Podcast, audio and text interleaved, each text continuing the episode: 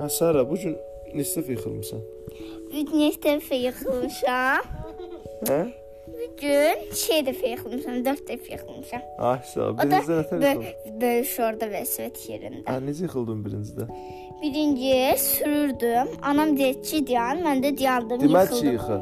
Demədi yıxıldım. Bəs niyə yıxıldın? Çünki anamın, anam məni e, a- anam bilmirdi mən tormuz eləməyi bil, bilmirəm yoxsa bilirəm. Mən onu əvvəldə bilirəm tormuz bilməyi. Əsas o, o birisi yıxılmağın oldu, o danışır qızım, o qəza oldu. Hansı yazı? Səni mamaya tərəf göndərdim, mama yıxıldı, yıxıldı. Hə, yadıma, yadıma gəldi atay. İndi m, hmm, ikinci dəfə yıx, dördüncü dəfə də yəni nə bilim Hə. yadıma gəlmir.